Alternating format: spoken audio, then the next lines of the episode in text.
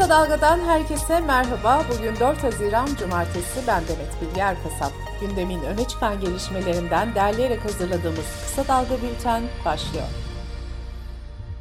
Türkiye günlerdir peş peşe gelen zamları konuşurken dün Türkiye'nin gündemi enflasyon oldu. Nisan ayında enflasyon %69.97 olarak açıklanmıştı. Türkiye İstatistik Kurumu dün de Mayıs ayı enflasyon rakamlarını açıkladı. Buna göre aylık enflasyon %2.8, yıllık enflasyon ise %73.50 düzeyinde gerçekleşti. 5 aylık enflasyon oranı ise %35.64 oldu. Bağımsız araştırmacılar ve akademisyenlerden oluşan enflasyon araştırma grubu da aylık enflasyon artışını %5.4, yıllık artışı ise %160 olarak açıkladı. Bu durumda enflasyon araştırma grubu ile TÜİK enflasyonu arasındaki fark 86,5 puan oldu.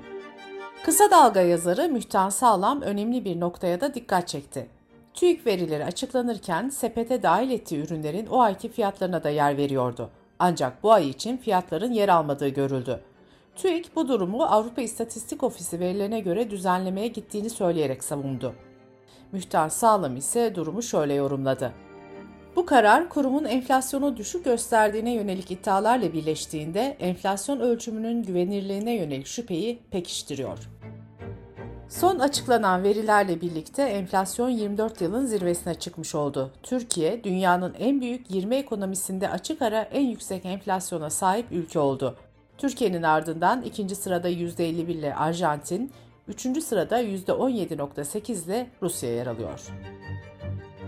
TÜİK'in açıklamasından sonra emekli ve memurların Temmuz'da alacağı 6 aylık zam ve enflasyon farkı da netleşmeye başladı. 6 aylık alınacak esas zam oranı 4 Temmuz'da açıklanacak enflasyon rakamları ile belirlenecek. SGK ve Bağkur emekli aylıklarına Temmuz ayında Ocak-Haziran dönemindeki 6 aylık enflasyon oranında zam yapılacak. Haziran ayında enflasyon sabit kalsa bile SGK ve Bağkur emekli aylıkları Temmuz ayında %35.64 oranında artacak. Enflasyon rakamlarının açıklanmasıyla birlikte Haziran ayı kira artış oranı da belli oldu. Kira fiyatlarındaki artışta TÜİK'in 12 aylık ortalama tüfe verisi belirleyici oluyor.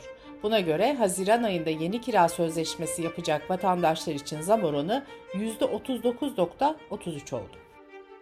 TÜİK'in açıkladığı enflasyon oranı tepkilere neden oldu. CHP Genel Başkan Yardımcısı Veli Ağbaba, TÜİK'in maaş zamları nedeniyle enflasyonu olduğundan düşük gösterdiğini belirtti. Ağbaba şu değerlendirmeyi yaptı. Türkiye her yeni güne yeni bir zam haberiyle uyanırken TÜİK zamları görmezden geliyor. TÜİK adeta kör taklidi yaparak milyonlarca yurttaşın emeğini ve alın terini yok saymaya devam ediyor. Deva Partisi Genel Başkanı Ali Babacan, hiper enflasyon dönemine koşuyoruz derken Gelecek Partisi lideri Ahmet Davutoğlu da siz kendinizi kandırmaya devam edin, az kaldı millet size gereken cevabı verecek dedi. Ekonomist Mahfi Eğilmez de sosyal medya hesabından TÜİK'in devletten tamamen ayrı, bağımsız bir yapıya kavuşturulması Merkez Bankası bağımsızlığı kadar önemlidir değerlendirmesini yaptı.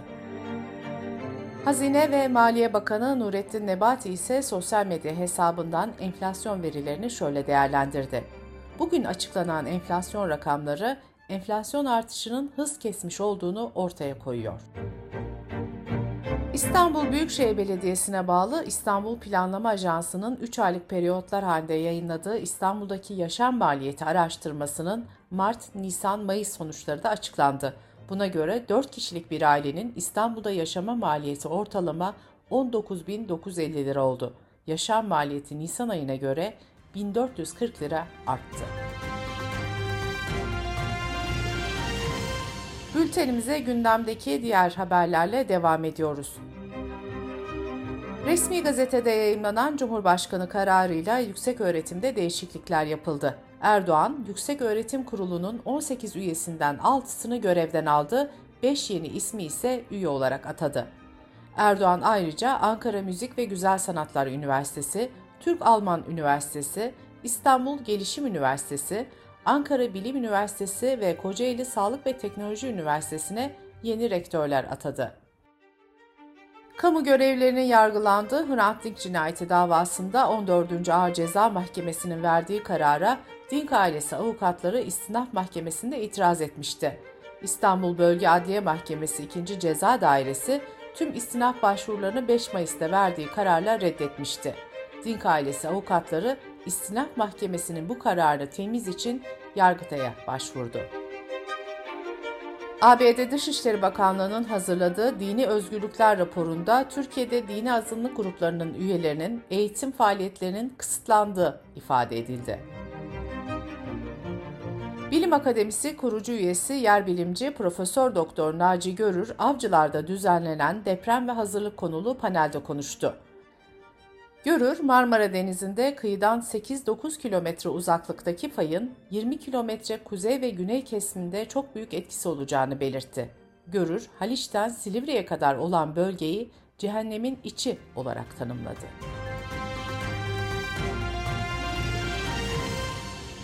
Dış politika ve dünyadan gelişmelerle kısa dalga bültene devam ediyoruz. Rusya'nın 24 Şubat'ta başlattığı Ukrayna işgali 100. günü geride bıraktı. Ukrayna Devlet Başkanı Zelenski, Rusya'nın Ukrayna topraklarının %20'sini kontrol altında tuttuğunu açıkladı. Zelenski ayrıca savaşın cephe hattının yaklaşık 1000 kilometre genişlediğini kaydetti. İşgalin 100. günü nedeniyle açıklama yapan Kremlin sözcüsü Peşkov ise askeri operasyonun tüm hedeflere ulaşılana kadar devam edeceğini söyledi. Washington yönetimi Rusya Devlet Başkanı Putin'e yakın kişileri ve bu kişilere ait yatlar ile jetleri hedef alan yeni yaptırımlarını duyurdu. ABD Ticaret Bakanlığı da Belarus ve Rusya merkezli 71 şirketin Amerika'dan teknolojik ürün almasını yasakladı. Newsweek dergisinin haberine göre ABD'li yetkililer ABD istihbaratının Putin'in ilerlemiş kanser için tedavi gördüğüne dair bir rapor hazırladığını öne sürdü. Dergiye konuşan 3 yetkili raporda ayrıca Putin'e Mart ayında bir suikast girişiminde bulunulduğunu da söyledi. Rusya Dışişleri Bakanı Lavrov geçen hafta yaptığı açıklamada Putin'in sağlığının kötüleştiğine yönelik iddiaları yalanlamıştı. Birleşmiş Milletler yabancı dillerde Türkiye olarak kullanılan ülke adını Dışişleri Bakanlığı'nın talebiyle Türkiye olarak değiştirmişti. BM Genel Sekreterinin basın briefinginin ardından gazetecilere gönderilen transkripte de ülke ismi olarak Türkiye yer aldı. Böylece BM Güvenlik Konseyi'nde ilk kez Türkiye yerine Türkiye ifadesi kullanılmış oldu. NATO Genel Sekreteri Stoltenberg, İsveç ve Finlandiya'nın üyelik başvurusuyla ilgili Türkiye'nin tavrını yorumladı. Genel Sekreter şunları söyledi. NATO içinde oturup konuşup bir ortak yol bulmalıyız. Ankara ile yakın temastayız. Cumhurbaşkanı Erdoğan'la konuşuyoruz. Aynı zamanda İsveç ve Finlandiya ile de konuşuyoruz. Yakın zamanda Stockholm, Helsinki ve Ankara'dan üst düzey yetkilileri bir araya getireceğiz.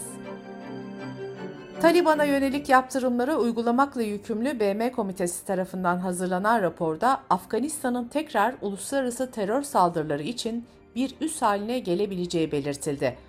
Raporda Taliban'ın El-Kaide'yi kontrol altında tutmak için girişimlerde bulunduğu ancak bunların uzun sürmeyeceğine dair endişeler olduğu ifade edildi.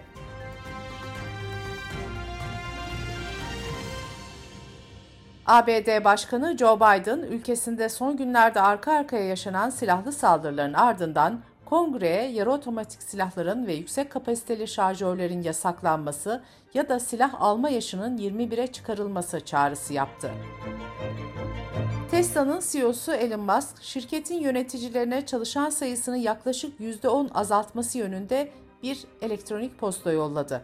Musk'ın çıkarılmasını istediği kişi sayısının 10 bini bulabileceği belirtildi. Bültenimizi kısa dalgadan bir öneriyle bitiriyoruz. Nazım Hikmet 3 Haziran 1963'te Moskova'da sürgünde hayatını kaybetmişti. Yeşim Özdemir Time Code programında Çağlar'ın büyük şairi Nazım Hikmet'i anlatıyor. Yeşim Özdemir'in podcast'ini kısa dalga.net adresimizden ve podcast platformlarından dinleyebilirsiniz. Gözünüz kulağınız bizde olsun. Kısa Dalga Medya.